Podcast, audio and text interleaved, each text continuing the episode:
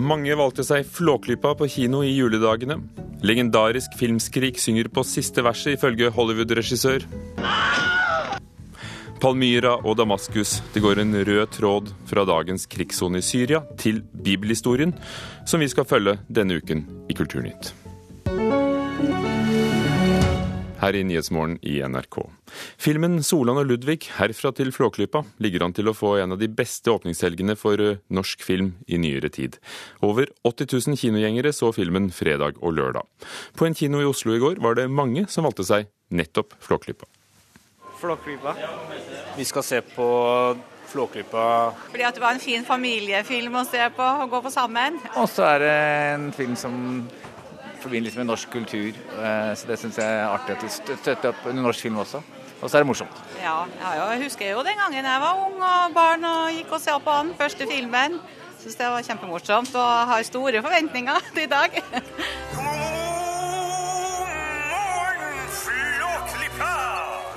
Solan og Ludvig herfra til Flåklypa har fått en kjempestart på lerretet.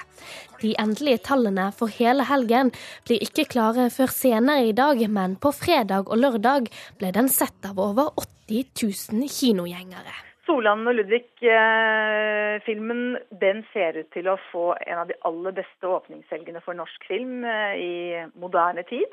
Dette er Birgitte Langballe i Film og Kino. Tallene tyder jo på at den får den beste, den får den beste åpningshelgen for norsk film i 2015. Hun tror dette lover godt for filmens videre liv. I og med at åpningsbesøket har vært så bra, så kommer den til å trekke godt med publikum utover. Ikke bare nå i julen, men helt sikkert også utover i det nye året. Hvordan den vil gjøre det i forhold til bølgen, det er det litt tidlig å si noe om. For selv om den ligger an til å ha en bedre åpningshelg enn storfilmen Bølgen, skal det mye til for å slå årets klart mest sette film. Vi snakker om en 80 meter høy bølgehelg. Katastrofefilmen 'Bølgen' er sett av over 830 000 og har sammen med store internasjonale produksjoner og norske barnefilmer sørget for at det totale besøkstallet på kinoene i år vil bli noe høyere enn i fjor. For norsk film sin del er det barnefilmene sammen med Bølgen som har sørget for inntektene. Det er ingen filmer man produserer som er sikre kort i det hele tatt. Cornelia Boysen er produsent i Maipo Film. De har produsert de nyeste Flåklypa-filmene og flere andre store barnefilmer. På tross av at disse filmene har gjort det svært bra, mener hun det langt ifra er risikofritt å produsere slike filmer. Og det er jo også store filmer vi har produsert de senere årene som, eh, som, eh, har relativt høye budsjetter. Så det er risikofylte prosjekter vi byr oss ut på, det er det. De er allerede i gang med produksjonen av en ny film fra Flåklypa-universet. Jeg har aldri vært så lite klar. Og reporter var Marie Røsland. En annen film som har gjort det bra, den nye Star Wars-filmen, ble i helgen den filmen som raskest har spilt inn én milliard dollar i billettinntekter verden over. Det tok tolv dager. Men så er det en ting til som er verdt å merke seg. Det er også den siste av flere hundre filmer der vi kan høre et av filmhistoriens aller mest kjente skrik.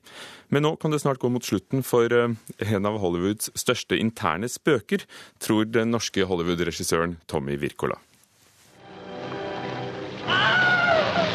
Du har kanskje ikke tenkt over det, men antageligvis har du hørt dette skriket før.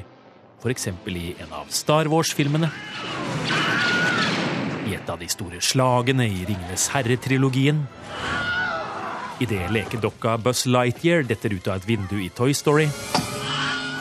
Eller i en annen av de mange hundre filmene som gjennom årene har benyttet seg av Hollywoods favorittskrik. The Wilhelm Scream er en lydeffekt som ble innspilt til krigsfilmen Distant Drums med Gary Cooper i 1951. Det forklarer NRKs filmanmelder Birger Vestmo. Der de trengte et skrik til en uheldig soldat som blir bitt av en alligator og dratt under vann. Eh, og denne lydeffekten havna i effektarkivet til Warner Brothers. To år senere ble skriket hentet opp fra arkivet til en ny cowboyfilm, og det er her det har navnet sitt fra. Wilhelm! Yeah, I'll just fill my pipe. I filmen aner soldaten Wilhelm fred og ingen fare der han sitter på hesteryggen og stapper pipa si. Men i buskene lurer en olm indianer med pil og bue. Da skriket ble brukt i Star Wars og Indiana Jones-filmene på sent 70- og tidlig 80-tall, fikk bransjen for alvor ørene opp for det. Og siden så har det her egentlig blitt en sånn intern spøk blant Hollywoods lyddesignere, som da på et eller annet tidspunkt eh, tar i bruk eh, The Wilhelm Scream. Det har noe spesielt med seg. Det har fanga et eller annet veldig eh, unikt øyeblikk der. Regissør Tommy Wirkola har brukt skriket i flere av sine norske filmer. Det er også med i alt fra Titanic og Avatar til Aladdin og Poltergeist, og det kan også høres ganske tidlig i den nye Star Wars-filmen som for tiden herjer på kino. Du kan bruke det til veldig, veldig mange forskjellige uh, actionsekvenser eller fall. Uh, du, kan, du kan klisse det på veldig mange situasjoner. We almost died at the hands of a witch.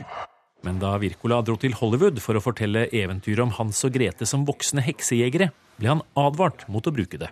De lyddesignerne på Hans og Grete, som er, er veldig store lyddesignere i Hollywood, de var skeptiske til å bruke det på, fordi ja, de følte at det var nå på, hadde tippa over i det var brukt så mye. En YouTube-video med en rekke ulike Wilhelm-skrik er sett nesten åtte millioner ganger.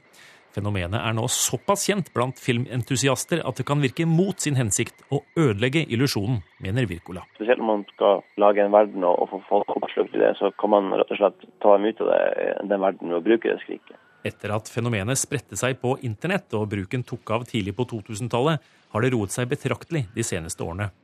Internspøken er ikke lenger siste skrik, konstaterer Birger Vestmo vi har kanskje nådd toppen og gått over toppen og vel så det for The Wilhelm Scream. Eh, slik at det, det, er vel ikke så veldig mange som eh, vil ta det i bruk eh, fremover, med mindre det får nok en revival om 20-30 års tid. Der var skriket. Se eksempler fra filmene hvor dette skriket er blitt brukt på nrk.no. Reporter var Gjermund Jappé. Antallet anmeldelser av såkalt hatkriminalitet på internett øker. I Oslo er antallet doblet bare det siste året. I 2014 ble 69 anmeldelser av hatkriminalitet levert inn. I år har Oslo-politiet mottatt over 120, skriver Klassekampen. En stor del av økningen dreier seg om hatefulle ytringer på internett. Drapstrusler mot politikere og hets mot minoriteter og flyktninger er blant netthatet som gjør at stadig flere anmeldes. Oslo-politiet er det eneste politidistriktet som har opprettet en egen gruppe som jobber med hatkriminalitet. Politiadvokat Oda Karterud sier til Klassekampen at grunnen til økningen kan være at de aktivt har bedt folk anmelde hatkrim, og at det har vært mye fokus på temaet i mediene. Men selv om anmeldelsene i Oslo har skutt i været, har det vært en svak nedgang i resten av landet. Politiet tror det er store mørketall. Til sammenligning ble det levert inn 6000 anmeldelser for hatkriminalitet i Sverige i fjor mot altså 223 i Norge. Sa reporter Simon Skjelbostad Iseth. Vi nærmer oss nyttår og rydder i hukommelsen. I dag ved hjelp av NRKs musikkritiker Øystein Sandvik. Øystein Sandvik, hvordan har 2015 vært for klassisk musikk? Du kan si at det, det, det slutta jo litt sånn uh, festaktig med Atle Antonsen som synger opera i Tryllefløyten. Kan han synge? Han kan synge. Han kan jo ikke synge opera på operamåten, men han synger eh, på en bra måte eh, altså med sin stemme, liksom. Han synger med det nebbet han har, og det funker jo i den eh, sammenhengen der. Og dette kan alle se på NRK2 på første nyttårsdag. Jeg bare nevner det. Mm. Hvis vi spoler klokka litt lenger tilbake, så var det jo en annen eh, norsk sanger som eh, markerte seg sterkt i starten av året. Bror Magnus Tødenes, den unge norske tenoren som eh, fikk et slags gjennombrudd i de brede lag i Norge gjennom denne serien da KORK kom til bygda. Men han var på scenen i, i Bodø i starten av dette året og sang Lenski i Tsjajkovskijs opera Eugen Onegin. Og innimellom der så har det vært mye annet uh, morsomt også. Vi har hatt hardcore feministisk opera i, uh, i Bergen f.eks., som også ble spilt på Ultima av Cecilie Ore. Og vi har hatt et kjempelagt verk som varte hele natten under Olavsfestdagene av John uh, Taverner. Så det har vært mye forskjellig. Udødelige Bach, Immortal Bach, er tittelen. Ja, det er det. Eh, og dette er jo det man eh, med, med dagens moderne språk kanskje ville kalt en remix av Johan Sebastian Bachs eh, musikk. Hans koral 'Kom sysser tåt'. Det er Knut Nystedt som har laga dette. og Hvis vi hører bakgrunnen her, da, så hører vi at disse akkordene er strukket ut i evigheten. og Det er derfor han har gitt det denne tittelen 'Immortal Bach'. Det er en av Knut Nystedts mest kjente komposisjoner. Og det er en av de stykkene som da befinner seg på CD-en 'Minds Lebens Licht', som eh, Det Norske Solistkor ga ut nå i, eh, i høst, under da sin dirigent Grete Pedersen. En av de beste platene fra året. En annen stor komponist, men lenger tilbake, Edvard Grieg. Det kommer stadig nye innspillinger av lyriske stykker. Det gjør det, og den som kom eh, litt tidligere i sommer, den var helt fantastisk flott. Eh, det var med den eh, britisk-australske pianisten Stephen Huff. Og han kommet med en plate nå hvor han spiller lyriske stykker. Ikke alle, men et sånn typisk sånn, noen få fra hvert av disse heftene som Grieg ga ut med jevne mellomrom utover på, mot slutten av 1800-tallet. Eh, og han spiller de helt fantastisk fint. Altså, han trekker Grieg litt sånn tilbake i de franske salongene igjen. For det jo, altså, Norske pianister har en tendens til å se på Grieg mer som tysk, mer som sånn forlengelsen av Schumann, litt sånn alvorlig og inderlig og sånn. Men her er det litt mer sånn lekkert, raffinert. Eh, en veldig sånn hypersofistikert Grieg vi hører hos Steven Haff. Johan Sebastian Bach, fra Grieg til Bach, da, da har vi forlatt salongen. Da er vi et helt annet sted, eh, og da skal vi bli med vår eh, domorganist her i Oslo, eh, Kåre Nordstoga, til Hamburg. Han er jo en slags orgelpilegrim. Kåre Nordstoga han reiser rundt og spiller inn Bachs orgelverker på orgler fra Bachs tid. Triosonate for orgel nummer én av Bach med Kåre Nordstoga. Og så var det Øystein Sandvik som eh, ledet oss gjennom årets klassiske høydepunkter. Klokken er 18 minutter over åtte. Du hører på Nyhetsmorgen i NRK. 500 soldater er satt inn for å hjelpe flomrammede i England. OL-vinner, mange ganger verdensmester, alpinisten Stein Eriksen er død, 88 år gammel. Og senere i Kulturnytt avsløringer om juleevangeliet. I 1890 gikk en av de sentrale Kristiania-bohemene om bord i amerikabåten. Håkon Nyhus var i ferd med å gå til grunne, men et snaut tiår senere kom han hjem til Norge og sto for en revolusjon blant bibliotekene. Nesten neste år er det 150 år siden Håkon Nyhus ble født, og det er det verdt å feire, sier førsteamanuensis Øyvind Frisvold. Året er 1890, og en av Kristiania-bohemens hardeste ramlefanter går om bord i amerikabåten. Håkon Nyhus hadde nådd bunnen. Myten sier jo at han eh, hadde med seg 20 kroner i lomma og tre flasker konjakk i kofferten. Lite tydet på at denne mannen skulle komme tilbake og bli folkebibliotekenes ubestridte far. Akkurat eh, det Nyhus gjorde, det må være lov å kalle en ordentlig revolusjon. Fordi han greide å lage et eh, effektivt system, slik at bøker ble formidla rundt omkring til hele Norge. Nesten som i en Ford-fabrikk. Øyvind Frisvold er førsteamanuensis ved Høgskolen i Oslo og Akershus. Jeg møter han i Deichmanskes filial på Grünerløkka i Oslo. Landets aller første folkebibliotekbygning. Innvia eh, ferdig i 1914, altså året etter at Nyhus døde. Filialen er et stående monument over Nyhus sin historie, som starta i 1866 i Trysil. Han kom fra gode kår. Faren var stortingsmann og skogsbestyrer, og eide en av bygdas flotteste gårder. Sjølsagt skulle Håkon studere i Kristiania. Han eh, måtte nøye seg med å si at han hadde ligget ved Det kongelige Fredriks universitet, men neppe tatt de store eksamener. Det var Kristiania-bohemen som tiltrakk Nyhus, en kulturell og politisk bevegelse med unge opposisjonelle, og der Nyhus ble en sentral skikkelse. Kom på flaska og ble ganske fuktig, og det var til slutt ikke noe mer penger igjen. Og Svein Moren forteller jo at han kommer tilbake til Trysil og ser ut som en filefant. Amerika ble halmstrået, nærmere bestemt Chicago. Han gikk jo til å begynne med nærmest på bommen i Chicago også. Men han fikk jobb på bibliotek. Det ble redningen. Først med å feie gulv. Etter hvert så så de jo det at dette var en kapasitet, og ble da en ressurs og dyktig person i folkebiblioteket i Chicago. Og møtte alle disse menneskene som jobba med bibliotekrevolusjon og utvikling av nye måter å drive bibliotek på. Her er det da du kommer inn i biblioteket. I 1897 er han tilbake i Norge og blir sjef for Deichmanske bibliotek året etter. Da var det et sted hvor man gjemte bort bøkene. Et utpreget bokmuseum. Nå starter han sin revolusjon.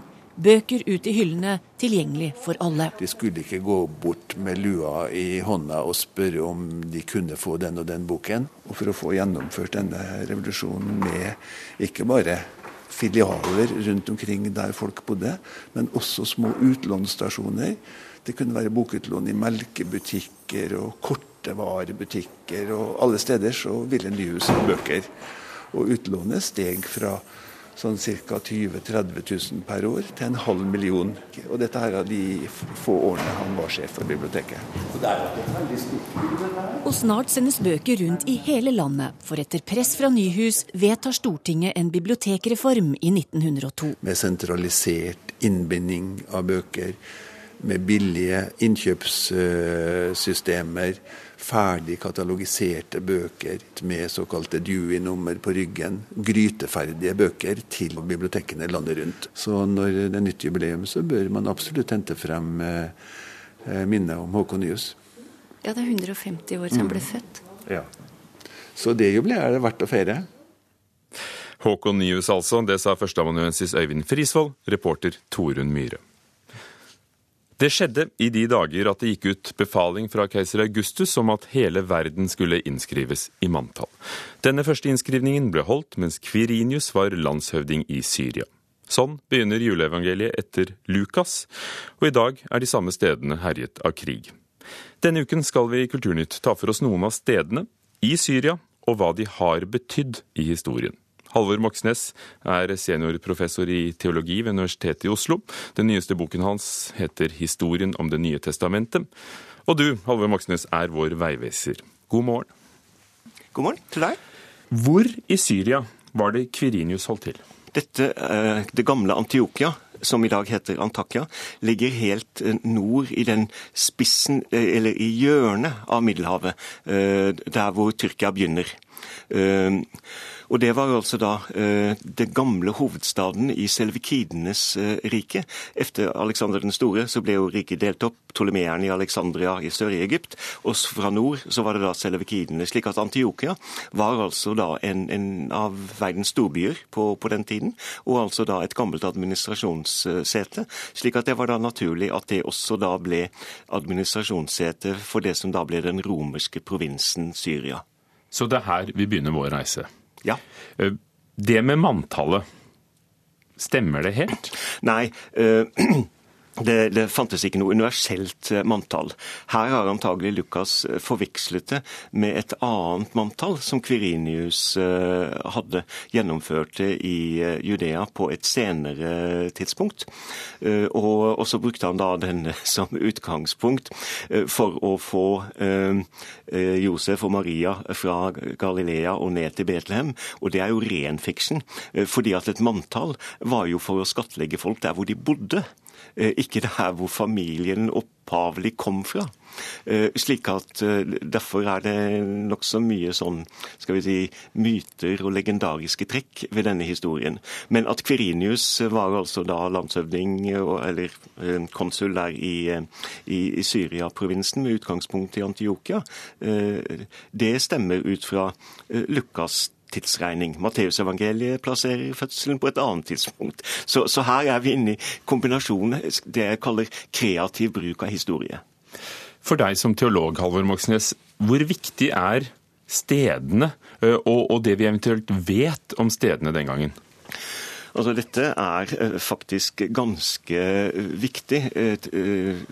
Antiokia, Antakya, var jeg på på mitt første besøk til, til, til Tyrkia på 80-tallet, hvor vi reiste i Paulus' fotspor.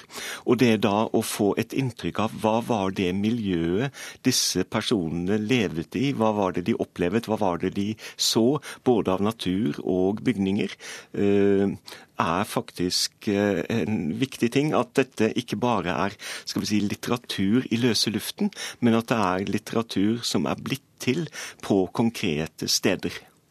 Antakya ligger, som du akkurat nevnte, i Tyrkia i dag. Dette er jo Syria fullstendig rykende uenig i, selvfølgelig. Men hvilken rolle spiller byen i den konflikten som rammer landet nå? Til å begynne med eh, så var det jo et sted hvor eh, mye forsyninger kom inn til opprørsbevegelsen i, eh, i, i Syria, og hvor de trakk seg tilbake for å komme på sykehus og få nye forsyninger og sånt. Nå har jeg inntrykk av at det primært er et sted med stor flyktningetilstrømning fra Syria.